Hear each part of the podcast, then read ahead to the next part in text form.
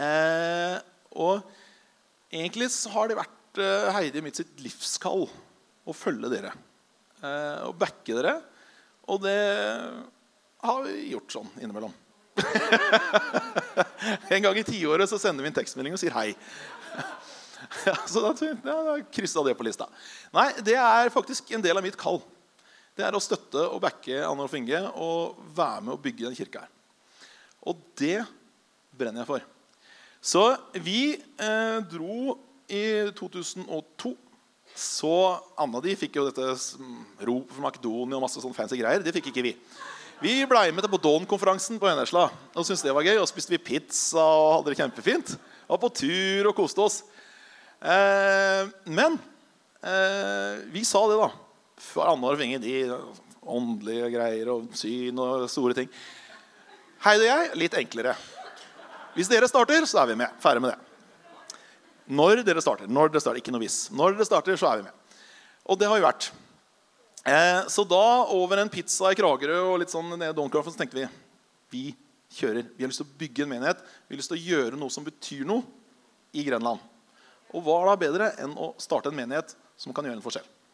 Så menighet, det er jeg veldig glad i. Jeg har sikkert glemt mange punkter. Eh, vi starta, kjørte i gang. Anne og Heidi tok med seg et svært kålhue full av kjærlighet. altså kjærlighet på pinner. Delte ut til studenter. Inviterte til alfakurs. Det kom 15-20 stykker. Eh, fantastisk gjeng. Eh, som ble den gjengen som starta kirka. Eh, og starta hjemme hos oss. Det var nydelig. Vi var de eneste som hadde et hus av bitte litt størrelse. Så der var det masse studenter. Og vi hadde Elisabeth, som var ett år. Det er en nydelig kombinasjon. For studenter de vil ikke hjem. Så sånn klokka ett så da pleide jeg å da, Jeg sa ingenting, man må jo være høflig, så jeg bare gikk ut. Og så tok jeg på meg slåbraken, og så bare tusla jeg ut til studentene. da Uten å si noe. Så det ble et begrep i Arenas tidlige historie. Når Gjertsen kom med slåbroken, da er det på tide å gå hjem. Og det var helt riktig tolka. For klokka fem så begynte Elisabeth. Og når klokka var ett, så da hadde vi bare fire timer igjen til vi skulle starte. Med hun. Så um, det var starten. Um, vi kan bla litt videre. Uh, kirka. Grunnleggende. Hva er det som er kirka? Jeg måtte bare, det var et nydelig bilde av familien Gulliksen. altså, beautiful. Jeg har nesten ikke forandra dere. Det er jo nydelig. Et vanlig bilde av kirka som er litt sånn kjipt, det er at kirka det er Kanskje det er gudstjenesten, eller du, noen sier 'jeg skal gå til menigheten'. 'Jeg skal til kirkeligheten, kirken'. Det er underforstått, Da skal du til en bygning, da. Antagelig. Det er det du prøver å si. Jeg vet ikke. Eh, eller kirka er jo Annar og Finge. Dette må menigheten ta seg av. Underforstått Annar og Finge må gjøre det. Eh, ja. Vi kan surre videre. Eh, så hva er egentlig kirka? Hva er kirka? Kirka, det er Guds folk. Enkelt og greit. Det er ikke den bygningen. Det er ikke Anner og Finge. Det er de òg. Dere får lov til å være med. Ja, takk. Men det er Guds folk. Ta en videre. Eh, og som jeg tenkte Når jeg skal forkynne, så må, jeg, må jeg liksom, man må være litt sånn important. Og da må man jo finne noe eh, sånn grunntekst. Så jeg tenkte jeg må finne noe grunntekst. Ikke noe preken uten grunntekst. Så, så da, Eklesia det er Bibelens ord for menighet, kirke. Eh, betyr en forsamling av mennesker, står det der. Det er alt jeg vet om det ordet. Så går vi videre. Men da, han Teologen på første benk her, han vet noe mer om det, men han, det er ikke han som har mikken, så han får ikke lov til å si noe. Beklager. Eh, kirka er liksom, det er mye. Det er Guds folk. Så du kan ta det store perspektivet. Kirka er hele verdens alle som bekjenner seg til Jesus. Som går i en menighet eller ikke går i en menighet. Det er Guds folk. Eh, og det er den forfulgte kirka. Det er kirka i den tredje verden. Det er, det er vi som er frie, kan gå i frie kirker. Altså får lov å gå i menighet. Overalt. Vi er en enhet, og det er fantastisk. Hvis du går på andre siden av jorda, du kan dra til Afrika, du kan til Asia, du kan hvor du vil i verden, så plutselig har du connection med noen. For vi er jo en gjeng. Going in the same place. Det er fantastisk. Um, men det er jo ikke bare denne megakirka. altså alle sammen. Det blir litt vanskelig å forholde seg til. Kjøre et styremøte der, liksom. Eh, ja, ok. Nå må vi ha litt sånn retningsgivende taler her. Det blir tungt. Så det er den lokale menigheten. Den lokale menigheten er en veldig viktig del av kirka. Videre så er eh, i den lokale menigheten så er, Det var et fancy bilde, var det ikke? Jeg tenkte vi må være, være top notch på det moderne. så derfor valgte vi det bildet. Kjempe, det, er sånn, eh, det er det jeg drømmer om at arenaen skal se ut. Noen år ned i veien, så da er vi der. eh, nei, men det er den store forsamlingen, eh, sånn som vi er nå. En helt egen setting. Nå er det veldig liten nå er det monolog. Jeg står og taler, jeg har din oppmerksomhet. og, og sånn. Men kjempeviktig hvis du tar det inn videre, det er jo Connect-gruppene. De små gruppene. Også en veldig viktig del av menigheten. Så vi bryter litt igjen. En kjempestore, og så storsamlingen, og så Connect-gruppa. Der er det ikke lov med monolog. Så hvis noen prøver monologer der, så er det Der er det dele hjertet. Og det trenger vi. Kjempeviktig del. Eh, å få lov til å være sammen. Så hvis du er her, hvis det denne kirka du går i, så oppfordrer vi deg. Bli med i en Connect-gruppe. Et sted hvor du deler et sted hvor du kan være åpen og ærlig. Eh, og du får lov til å være deg selv. Og du får lov til å prøve og feile. Vi er jo genuint opptatt av å vokse med Gud. Hvordan i verden skal du vokse med Gud hvis du aldri liksom prøver å komme deg videre? Hvis du ikke tar noen sjanser i livet, åssen skal du vokse? Skal du løpe et maraton, så må du jo begynne å løpe 100 meter. I hvert fall. Og det kan du gjøre i disse Connect-gruppene. Får et ord fra Gud, så er det ja, Gud taler. Og du kan si det på en forsiktig måte. Han, eh, jeg tror han sa det til meg. Jeg har ikke noe erfaring, men eh, jeg tror han sa det. Og så kan man snakke om det. Det er ikke så farlig å gjøre feil der. Ikke farlig i det hele tatt. Yes. Guds redskap på jorden. Og det jeg syns er så deilig med en menighet. Jeg er ikke en detaljist. Anne er en detaljist. Heidi er også eh, på detaljer. Hjemme hos oss Eh, du kan spørre om mye rart. Jeg vet ikke hvor noen ting er. Eh, jeg vet ikke hvorfor pynten havna der. Men jeg vet at huset står der. Jeg vet at det er bygd på en tomt, og der vil jeg ha et hus. Jeg er nok en visjonær person som ser det litt store bildet. Og det gjør jeg også når jeg er i kirka. Og jeg tror Gud skapte akkurat dette for at vi skulle kunne gjøre en forskjell. For hvordan i all verdens Hvis tre av dine venner nå skulle bli kristne i morgen, hva gjør du da? Har du tenkt på det? Liksom, vi kan be om vekkelse. Hva om vi fikk 100 stykker, 200 stykker, 300 stykker i den byen her som plutselig sa Jesus, jeg vil tilhøre deg. Jeg vet ingenting. Oh, ja. Hvis vi ikke er en kirke, en menighet som er lokal, og som er sammen, så har vi ikke sjans. Men den gjengen her sammen vi kan gjøre noen forskjell. Vi kan dra opp kurs, noen kan preke, noen kan lage mat, noen kan ha omsorg. Eh, jeg er ikke så god på omsorg, men jeg kan gjøre andre ting. Hvis du trenger å gråte, da kan du komme til kona mi. Hvis du trenger et spark bak, da kommer du til meg. Så er jeg og en kollega av meg vi liker den der eh, suck it up. Det er sånn, det liker jeg. Kjør på. Men jeg skjønner at det funker ikke for alle, så da er det kona mi. Ja, omsorg, ikke sant? Kan du gråte på en skulder og sånn? Vi er forskjellige. Eh, menigheten. Vi kan fortelle de gode nyhetene. Vi kan dele budskapet. Vi kan gjøre en forskjell. Vi kan skape noe.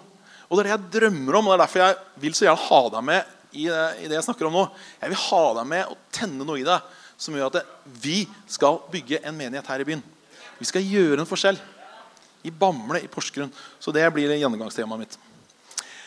Eh, ja, så da begynner vi der. Kjære Peter. Husker du det? Du kom til arena. Altså, Han med mange ble et offer for dette, og det er fortsatt eh, mange som blir kommende offer. Eh, for når du snakker med meg, og så har du vært på arena én gang Én gang greit. To ganger. Da begynner jeg å det. Tredje gangen du er på arena, og så sier du 'dere i arena'. Da mista hører ikke jeg hva du sier mer. For jeg, jeg hørte 'dere', og så, og så, ser jeg på deg, og så blir det 'Dere'? Vi. Og så kan du fortsette å snakke. Hva sa du? Ja, ja. Om de sa det i dag? Nei, han sa ikke det i dag. Men Peter fikk den her. De kom, du. Peter kom jo til arena, da var vi ikke her. Da var vi borte på to rom. Eh, og han prøvde seg på den der, da. Du, dere, dere i arena, liksom. Han fikk streng korreks. og det var så deilig. Han er så vidt liksom, kommet på innsida. Men vet du hva? Eh, menigheten, den eies ikke av familien Gulliksen. Eh, jeg er styreformann i den menigheten, men jeg eier den ikke. Men du og jeg, vi eier kirka. Vi er her, og vi er en del av det. Og ikke ekskluder deg selv. Hvis du er her, så er det oss. Det er vi. Det er vi som gjør noe. For idet du definerer deg ut av det, da er du ikke med. da. Det er kjempekjipt. Vi skal gjøre noe som er morsomt. Vi skal gjøre noe som betyr noe. Vi skal jo sette et fotavtrykk i denne verden. Karsten Isaksen lever dessverre ikke lenger. Jeg var på, eh, Vi leide han inn i et firma jeg jobba. Og så sa han akkurat den setningen som står der bak der. Ser du hva som står der? Eier du problemet, eier du løsningen. Fantastisk grunn på den. Og så tar du med den hjem i ekteskapet ditt. Og neste gang du klager på gubben din, så tenker du på det. Eier du problemet, så eier du løsningen. Og det er, det er, sånn, det er en nydelig sannhet i det der. Bare, bare la den få lov til å Jeg er nesten overraska over at det ikke står i Bibelen. Ja, ja, ja, lett og lett og lett, men jeg fant ikke det. altså. Men, men det er jo noe sant i det. Eier du problem, eier du problemet, så eier du også løsningen. Veldig enkelt. da. Hvis du sier at det er miljøproblemet, det er Kina. Ok, ja, men Da driter vi i det her. ikke sant? Hvis du tenker at nei, men jeg har jo mitt ansvar for å gjøre noe med miljøet, da sorterer du søppel. da. Og så, og, så, og så, er du en del av løsningen. Er du med meg? Samme er det jo i alle livets faser. Men også i kirka. Hvis du eier problemet Hva er problemet? da? Problemet er jo at uh, vi er 200 her, eller 150. Vi er ikke 20 000. Det er masse mennesker som ikke har hørt om Jesus. Mange som trenger de løsningene som Gud har. Det er jo problemet. Eier vi det? Eier du det? Eier du arena? Da begynner man å inkludere seg selv og se hva man kan gjøre, og hva man kan bruke seg selv til. Eh, jeg elsker også det termostat-termometer-bildet. Kanskje litt slitt. Se på Hans Jakob. Jeg, vi koste oss over det. Hans Jakob. det var så mye. Jeg hadde en preken for 15 år siden og da snakka jeg litt om det der. og det var veldig gøy. Eh, det er noen grunnleggende da. Når du kommer her, eller hvor som et helst, eller gjerne hjemme hos deg selv òg Men er du, er du termometer eller er du en termostat? Hva er forskjellen på de? Det er jo det at eh, termometeret den måler temperaturen.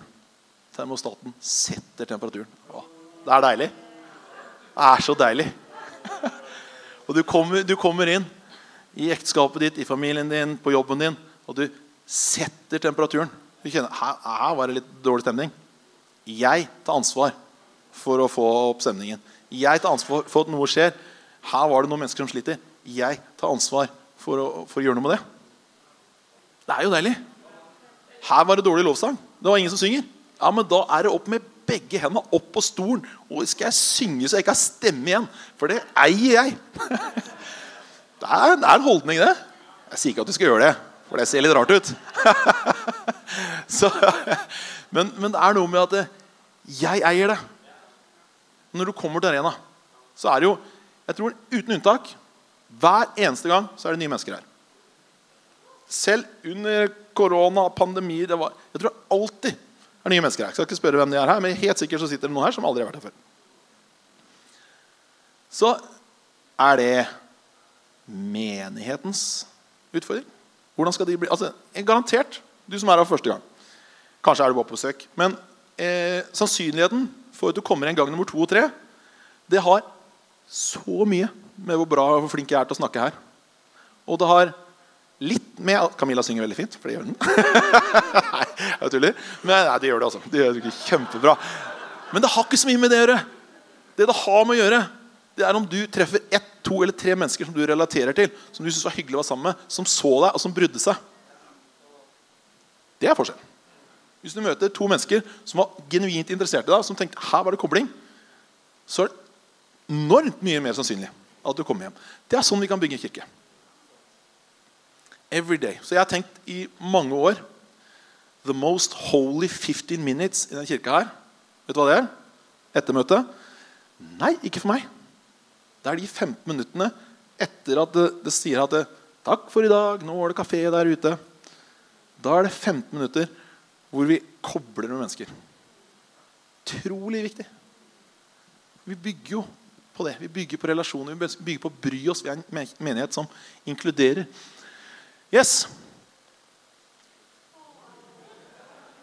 Jeg måtte jeg, Uavgjort. Anne. Dette er oss. Og det er jo fantastisk. Kona mi, du har ikke forandra deg noen ting. Du er like nydelig som du var da. Dette er 17 år sia. Eh, og det går til meg, og Jeg har ikke forandra meg heller. Nei, det er deilig. Hevet over tiden. Eh, hva kan jeg bidra med? Fra det forrige jeg snakka om. Altså, Ei menigheten. Inkludere menigheten. Og så er det mange fingeren i jorda. Det er mange som syns livet er beintøft. Det er mange som sliter. Jeg tror at det er ja, Nå har jeg ikke noe veldig kilde på det. Eh, men du, jeg tror at det er flere som sliter psykisk nå enn noen gang i verdenshistorien. Jeg tipper at det var enklere når du, altså, hele familien skulle ut og hakke poteter. Det var liksom ikke sånn mentalt komplisert. Det er dette Vi skal gjøre, vi skal drive gården, vi skal få den jorda. Nå er det medier, og det er inntrykk, og det er sosiale medier, og du vet hvor alle er, og alle gjør til enhver tid. Eh, og de som skal finne seg en partner, de går på et eller annet nettsted, og så er det 7000 mennesker som du skal liksom gjennom for å finne den perfekte. Det er komplisert. Eh, så jeg skal fortelle en ganske med det bakgrunnsbildet. Hvem, hva, hva kan jeg gjøre? Så skal jeg fortelle en litt personlig historie som jeg har eh, snakka med sønnen min om og spurt om jeg kan dele. Han sa at det var greit. Eh, for dette er Kristoffer. Der er nyfødt. Vi er egentlig fem, da, men Rette datt helt ut. Hun er ikke kommet ennå, så stakkar, var ikke mye på bildet. Eh, det var 17 år senere. Det var nå eh, for noen uker siden. Da fylte han 17 år. Han eh, kom eh, til fjerde klasse barneskolen. Og så var det liksom hver søndag her nede på barnearbeidet 'Pappa, jeg har vondt i magen. Jeg har vondt i huet.' og med greier. Og jeg tenkte ok, en gang greit, og så var han liksom hjemme i to dager. Og så kom han seg på skolen igjen, og så, og så begynte dette å gjenta seg. Det er et ganske kjedelig mønster. Og, jeg, og jeg, det ble sånn at jeg kom jo på kirka her, og så begynte jeg å bli redd for Sier han nå liksom at nå er, nå er han ute og kjører igjen? Og, og det altså, fraværet på skolen bare en tjom, utover fjerde klasse. Eh, og da kommer du i en krise. Altså, han var reelt sett i ferd med å dette helt ut av skolen i fjerde klasse. Hvis vi ikke hadde gjort noe, så hadde han gjort det. Eh, og som sånn eh, jeg vet ikke, far med litt handlekraft, så, så jeg satte i gang et eller annet sånn. Ok, Kom deg på skolen. Hvis du klarer å gå på skolen hver dag liksom, i et eller annet, så skal du få et eller annet. En eller annen sånn insentivordning. Da. Og opp på sjukehuset og masse undersøkelser, og vi skjønte ingenting. Og da begynner, da begynner kaoset å komme. Eh, og så eh, fikk vi heldigvis eh, plass på Rikshospitalet. Og vi fikk snakke med en fantastisk eh, lege som het Stein Sjage Førde. Han forstår ikke noe med historien å gjøre. Eh, fant ut etterpå at han var 63. rikeste i Norge. Det har heller ingenting med saken å gjøre. Plutselig så jeg en kapital 400 riches. Så han blåste i hvert fall i penger. Han var genuint opptatt av mennesker. Og det var lett å se. Eh, og han så Kristoffer. Eh, og vi hadde et sånt 14 dagers opphold som ble spredd utover en viss periode. Eh, hvor dette litt enkelt fortalt kokte ned til at han rett og slett var utsatt for stress. Og stress som slo ut i kroppen i masse fysiske utslag. Spesielt da vondt i hodet, som ble hans store, vondt i magen og utilpass. Altså, det dummeste jeg gjør, det er å sette opp sånne mål som jeg hadde gjort. da. Så jeg bare, ja, ok. Greit, takk. Gå videre. Eh, for å presse seg gjennom det bare liksom kjøre på i den situasjonen, det er totalt ødeleggende. Og eh, han Stein da, han sa bl.a. at eh, de hadde nesten gitt opp å behandle spesielt jenter i ungdomsskolen. For du fikk det ikke til å gjøre som disse. Fordi alle skal kjempe seg tilbake til normalen. Skal være som alle andre. Fordi løsningen var egentlig veldig veldig enkelt.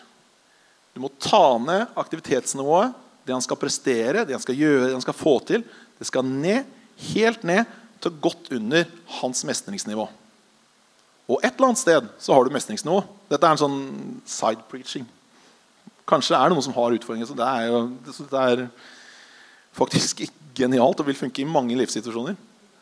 Eh, og et eller annet sted så finner du nivået finner vi nivået hans, hvor han takler det. Og han Legen igjen fortalte fortalt at det, for en person alt var helt mørkt. Helt ut av skolen. Skulle inn, skulle løfte fingeren sånn fem ganger. Én, to, tre, fire, fem. Jeg klarte det. Det gikk bra. Skryt. Mestra det. Ses neste uke. Altså Et eller annet sted er det nivået. Og det var det også for Kristoffer. Men det var kjempetøft. Vi måtte jo kutte ut masse timer. Altså, ja, du tenker at Der ryker engelsken, og der ryker matta og naturfagen. Og hvordan skal all verdens dette skal det gå? Han gikk liksom så Jeg hadde ti timer på skolen. Og de andre hadde 25. Eh, og så tenkte vi ja, dette går fort over. Nå bare ned der, og så, og så er halvt år, så er alt greit. Bytta vi skole. Gikk på Grenland kristen skole. Fantastisk. Kjempebra. Eh, og så gikk det jo ikke så fort. Og han har jo fortsatt litt vondt i huet. Men sakte, men sikkert så fikk vi justert ned aktivitetsnivået.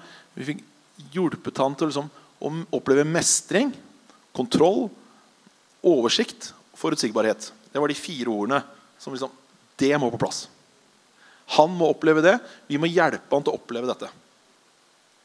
Og så gjorde vi det. Så vi, det var sånn, ja, Engelsk forsvant, matte forsvant. Det meste forsvant. tenkte jeg, kjære så ja, okay, får, Det er godt vi har sosialen her i landet, tenkte jeg. Et eller annet sted så blir vi vel fanga opp til slutt. Bo hjemme hos mamma og pappa, da. Nei da. Eh, men du vet åssen det er med barna. Blir, det er det nærmeste du har. Man blir bekymra. Eh, nå er han på Kvitsund. Eh, og altså vi, vi, så han, altså Når du ikke har fag, og når du er fritatt for karakterer Han skulle jo ikke ha noen prøver, skal ikke, ikke ha lekser i alle fag. Så du får karakterkortet da, etter ungdomsskolen. Der står det 'ikke grunnlag for karakter i alle fag'. Det er litt tøft for å se for en, eh, en gutt på 15 år. eller hva han er der. Bare sånn, oi. Og så så vi én bra ting. Fraværet.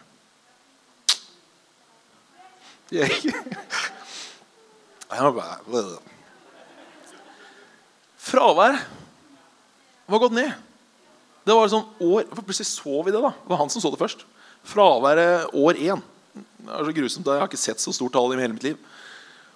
Og så, og så blei det gradvis mindre og mindre. Jeg vet ikke om det var Det gikk liksom fra 50 dager eller 30 og så 20, og så var det kanskje bare 10 dager siste året. Eh, og i fjor hadde han én dag fravær, tror jeg. Eh, det, er, det, er, noe med, det er noe med Ja. Vi, vi, takker Gud for det. Eh, og så takker vi Stein Sjager Førde for det. eh, men poenget mitt Hvorfor sier jeg det? Ta det med deg hvis du bruker det. Eh, hvis du trenger det, hvis du har en sånn livssituasjon hvor det er tøft å takle hverdagen. Så er det noen tips der. Dette kan du søke opp og snakke med fagfolk om. mer enn meg. Men hvorfor sier jeg det i kirkesammenheng? Fordi jeg har et brennende ønske om at du skal kunne være med det er en utrolig velsignelse i det å være engasjert i en kirke. I å være en del av fellesskapet.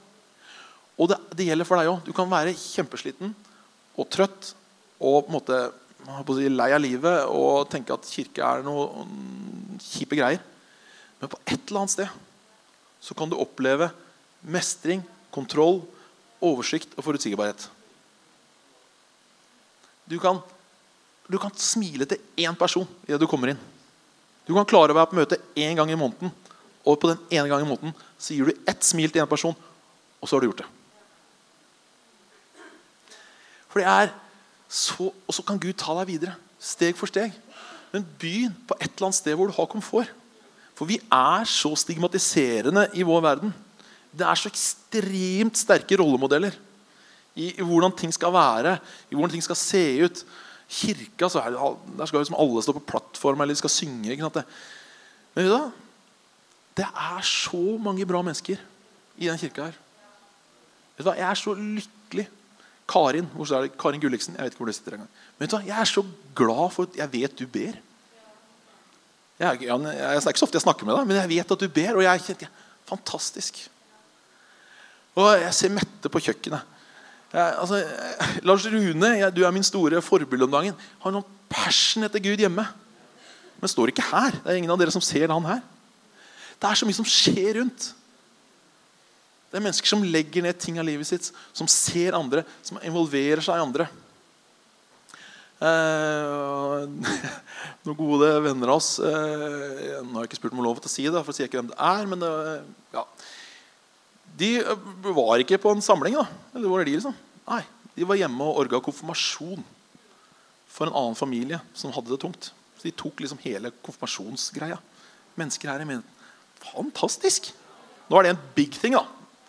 Men du kan gjøre de små tingene også, som betyr så mye. Den lille oppmuntringen, den lille tekstmeldingen. Vi hadde en sånn 'gjør noe bitte lite for noe stort'. Husker du det? Pant en flaske og redd verden. Men det gjelder her òg. Altså. Begynn der. Så vil Gud, når du er trofast i det lille, så vil han la deg vokse. Han vil sette deg over større ting. Men vær trofast i det lille som gjør at mennesker kommer videre. Nå aner jeg ikke hvor jeg er her. Jo, jeg er der. Takk, Kristoffer. Han smiler og er en veldig glad gutt og stortrives på Kvitsund. Elsker livet. Så det er fantastisk. Eh, neste. Jesus. Her kommer det bibelvers. Det er ikke verst på en preken. Vi er i kjerka. Vi tok et bibelvers. Det er rått. Markus 12,41. Jesus satte seg rett imot tempelkisten og så på hvordan folk la penger i kisten. Og mange rike ga mye. Da kom det en fattig enke og la to skjerver. Det er én øre. Så Litt senere så står det at Jesus sa da til dem denne fattige enken har gitt mer enn alle de andre som la i tempelkisten. For de ga alle av sin overflod, men hun ga av sin fattigdom. Alt det hun eide, alt det hun hadde å leve av. Jesus er jo der. Han bryr seg jo ikke om du har et kjempetalent og skinner som sola. Eller om du bare gir Hvis du føler deg fattig, fattig i ånden, du er fattig i kristenlivet ditt kanskje. Men du gir det du har. Det er, det er ikke mange som har hatt mer skryt enn hun dama der i Bibelen. Det der er high class. Altså. Hvis du får den av Jesus, kongenes konge, da har du gjort noe. Men det var virkelig ingen andre som så henne. Ingen andre i den kirka visste noe om henne. Hun ble antagelig sett ned på. Men det er det lille smilet ditt. Det er den ene personen som du velger å si hei til. Det er den ene du sender en tekstmelding til og sier at 'Fint å se deg. Jeg bryr meg.' Yes. Ja. Så da ble det to oppå hverandre. Det er litt deilig. Er det noen som har tydningen? For det har ikke jeg. Vi tar en til. Uh, ja, jeg tror jeg mangla en der, da. Men det er ikke så farlig. Uh, så er det sånn at Skjer det noe bak her? Ja. Så er det sånn. Det er snart sånn. Uh, ja. Nei, vi kan bare gå videre. Det er greit. Jeg snakka nok om det. det er jo ikke sånn at du skal prestere en masse greier aleine heller. Og det, Der kommer kirka inn. Vi bygger kirka sammen. Og, og et veldig enkelt bilde. Du har en kullbit som holder på å dø. Og så legger du den sammen med masse andre kullbiter. Da blir det voldsomt fres i den der lille utdøende kullbiten. Og sånn er det jo. Når vi kommer sammen, så er det som en katalysator. Jeg er sånn. Jeg kan føle meg sliten og trøtt. Så kommer jeg her, og så blir jeg knust av en klem av Hans Jakob. Bare ryggen retta seg. Og jeg ser masse mennesker som sier hei. Og jeg ser mennesker som jeg er glad i. Og jeg ser, jeg blir dratt opp av lovsangen. Så kommer jeg inn og kjenner at Yes! Jeg klarer ikke det kristne livet aleine. Men sammen med alle dere så kan jeg sannelig klare å gjøre en forskjell. Aleine er jeg ganske dårlig, det vet jeg. Ikke aleine. Skikkelig dårlig aleine. så elendig at det vil du ikke vite noe om. Men sammen What a beauty. Ingen som sitter her, kunne klart å få til den kirka her alene. Men vi gjør det sammen. Det er vi. Så ikke stell deg på utsida. Eh, menigheten Vi holder jo relasjonene levende. Vi holder visjonen høyt. Og vi, vi, står sammen. Og det er jo ikke sånn. Hvis du får skallebank, hva sier du da? Hodet har vondt? Hvor mange sier hodet har vondt? Eller sier du at 'jeg har vondt i hodet'? Det er ganske signifikant forskjell. Og, og sånn er jo kirka òg. Er det ett lem som lider, så lider vi alle sammen. Det er et utrolig bilde for et fellesskap som jeg elsker. og sikker Vi er jo ikke der. Vi drømmer om å være der. Og vi har mange veier å gå. Det, ja. Men for et bilde! Det er ikke, Hodet har ikke vondt. Det er ikke den biten som sliter. Vi eh, kan gå videre. Åh, Tok du med en burger? Nei. Jeg ble sulten. Nei.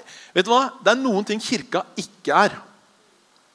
Som jeg også syns er litt uh, viktig i den tiden her, og som jeg brenner litt for å poengtere. For det, kirka er ikke fast food. Hvis du ser i Bibelen, du blir sjokkert hvor god tid Gud hadde noen ganger. Altså, vi, har, vi har minutter og sekunder før ting skal skje. Det er vår liksom, scope. Og på McDonald's der skal vi inn, og der er det tre minutter. Hvis ikke den burgeren er servert på tre minutter, så er vi ganske sure og irriterte. og vi, nesten som vi går ut. Eh, og, så, og, så, er vi i en tid som har eskalert noe helt vilt. Har du sett en film fra 80-tallet i det siste? Har du det? Altså, det, er, det er sjokking. Det er bare sånn Det skjer ingenting! Kom igjen! Og bare, åh, bare, åh. Du føler du vil dra de skuespillerne av gårde. De prater og dere sånn men, men, dette er jo bare Det er 40 år siden. Eller 30 år siden. Jeg også bare se et 15 år gammel film Det er også en lidelse. Det skal, det skal gå så fort nå. Men news for you. Gud har faktisk ikke endra seg de siste 40 åra. Han har ikke endra seg de siste 4000 åra. Da kan du tenke deg. Kanskje det er noe med tiden vår som vi må ta inn over oss i vår gudsrelasjon. I vår bygging av menigheten. I hva vi har tenkt å, å gjøre. Hvis du tar neste. Så er det sånn at i Hebreerne 10,25, nytt bibelvers Der står det at 'ikke hold deg vekk når menigheten samles'. Og det er en grunn til det. Hvorfor, vi, hvorfor, hvorfor oppfordrer Bibelen til å komme på møte søndag etter søndag etter søndag? etter søndag? Er det fordi du skal høre noe revolusjonerende nytt hver gang? Er det fordi du skal bli underholdt? Er det fordi det skal være fantastisk gøy? Nei. Det er ingenting av det. Når du har gått i en kirke i 20-30 år, så hører du ikke så veldig mye nytt. Det er, sånn, det er samme boka, da. Det er ikke en ny bok. Du skal begynne på ny bok snart, liksom, men vi skal ikke det. Men det er noen muskler som må bygges.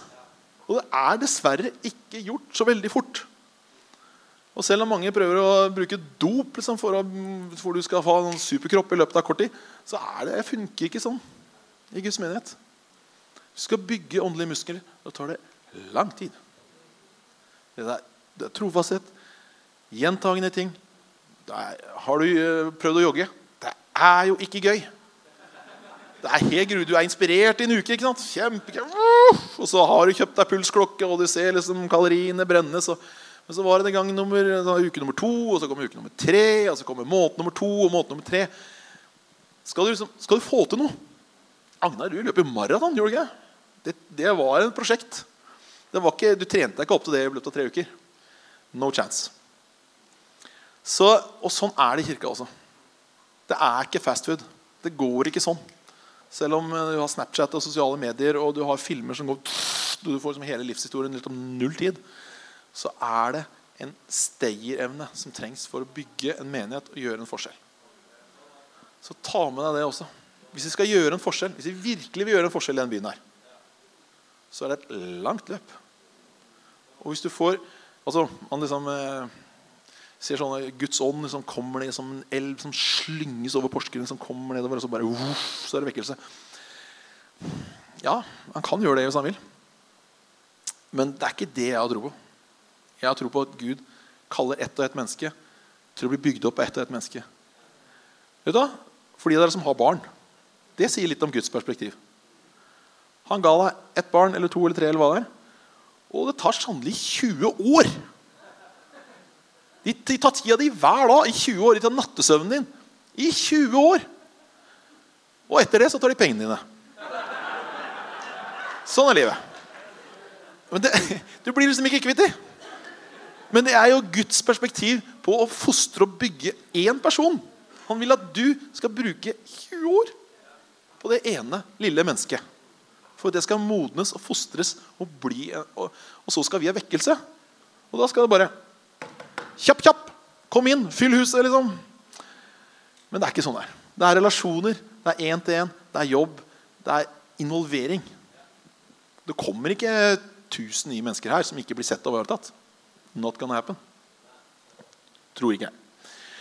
Uh, vær gjerne uenig med meg i det. Han kan, Gud kan gjøre hva han vil. For all del. Yes. Vi kan hoppe et tak videre. For det er Anne hadde et fantastisk bilde eh, på bibelskolen som virkelig var sånn mind-blowing for meg. Eh, eh, for det, det, står jo at 'den som gir, den får'.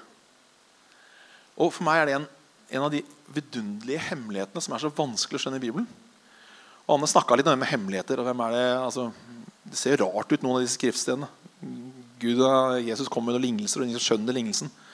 Og så sier han at den som har, skal få mer, og den som ikke har, skal bli fratatt det han har. Og så gjør han noe veldig rart, syns jeg. da. Hun sier at 'Jesus, du er ikke sånn'. det er ikke sånn jeg kjenner deg, sa du til Gud.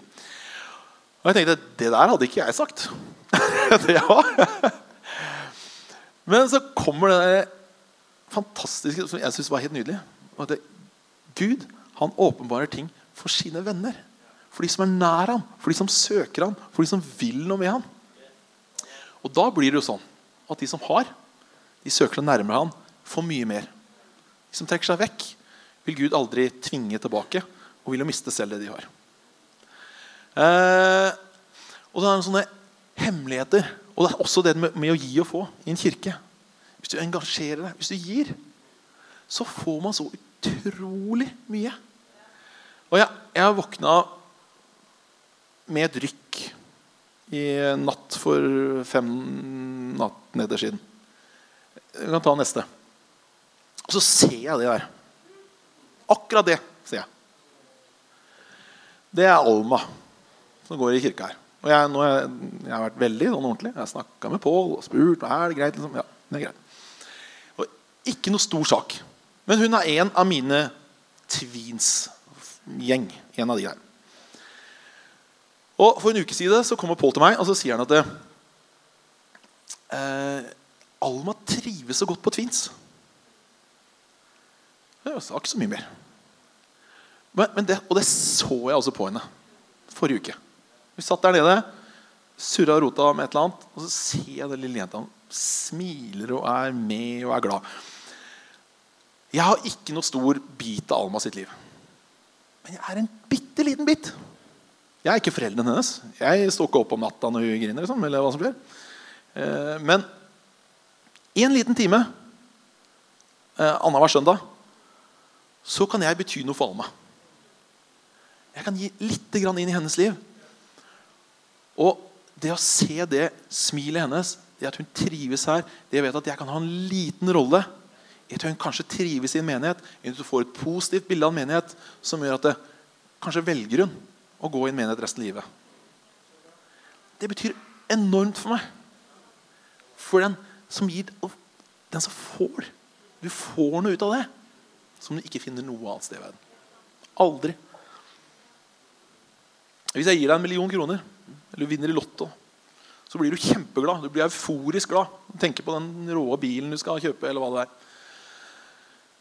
Men jeg kan også garantere at den gleden, den er ikke sånn.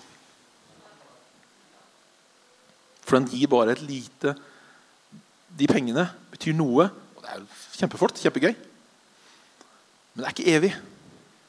Det der betyr noe. Det der betyr noe for meg. Det å kunne investere i mennesker rundt meg, se de smiler. Og det er min invitasjon til deg i dag. Bli med på akkurat det der. Og ikke fortell meg at Gud ikke kan bruke deg. For han kan. Jeg skal love deg han kan bruke deg. Uansett hvilken situasjon du er i livet. Men kom deg over på giversida. Ta det ene steget som gjør at du begynner å inkludere deg bitte litt i mennesker.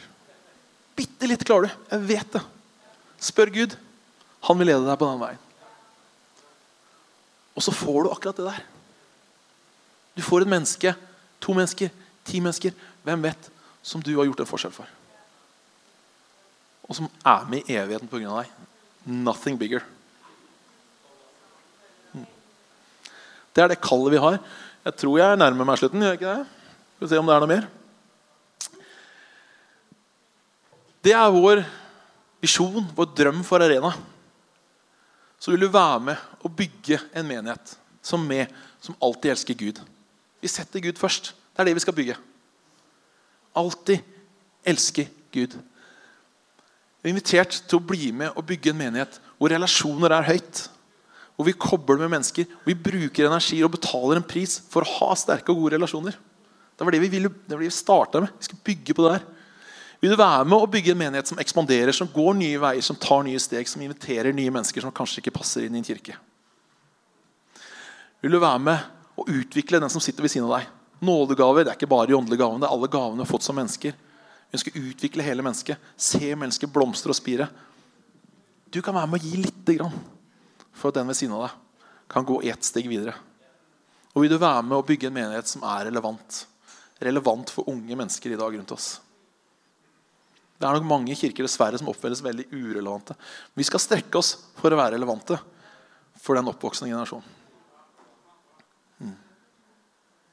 Yes. Så bli med og bygg. Håper du tar det med deg. Dette er det jeg brenner for. Nå har du fått uh, Øyvind Holdt på å si usortert, ja, men uh, raw. dette er det jeg drømmer om. Og dette håper jeg du alle kan være med på. Yes. Så vi kan reise oss opp. Og så kan du utfordre Gud litt. Da. Det er lov å spørre han. Det er lov å spørre han hva vil du med meg? Hvilken rolle kan jeg ha i det her? Har jeg noen rolle der? Selvfølgelig har det det. Du kan gå hjem også hvis du vil. Bethel har kommet med en ny sang som heter 'Too Good To Not Believe'. Jeg, bare, jeg har hørt på det hjemme. Griner som en liten unge. Han er, han er, for god. Han er for stor til at han ikke kan bruke det. Så eh, ta det med deg. Spør Gud hvor vil han ha deg. Han vil lede deg. Eller så kommer du til meg, så har jeg ti oppgaver. ok. Yes.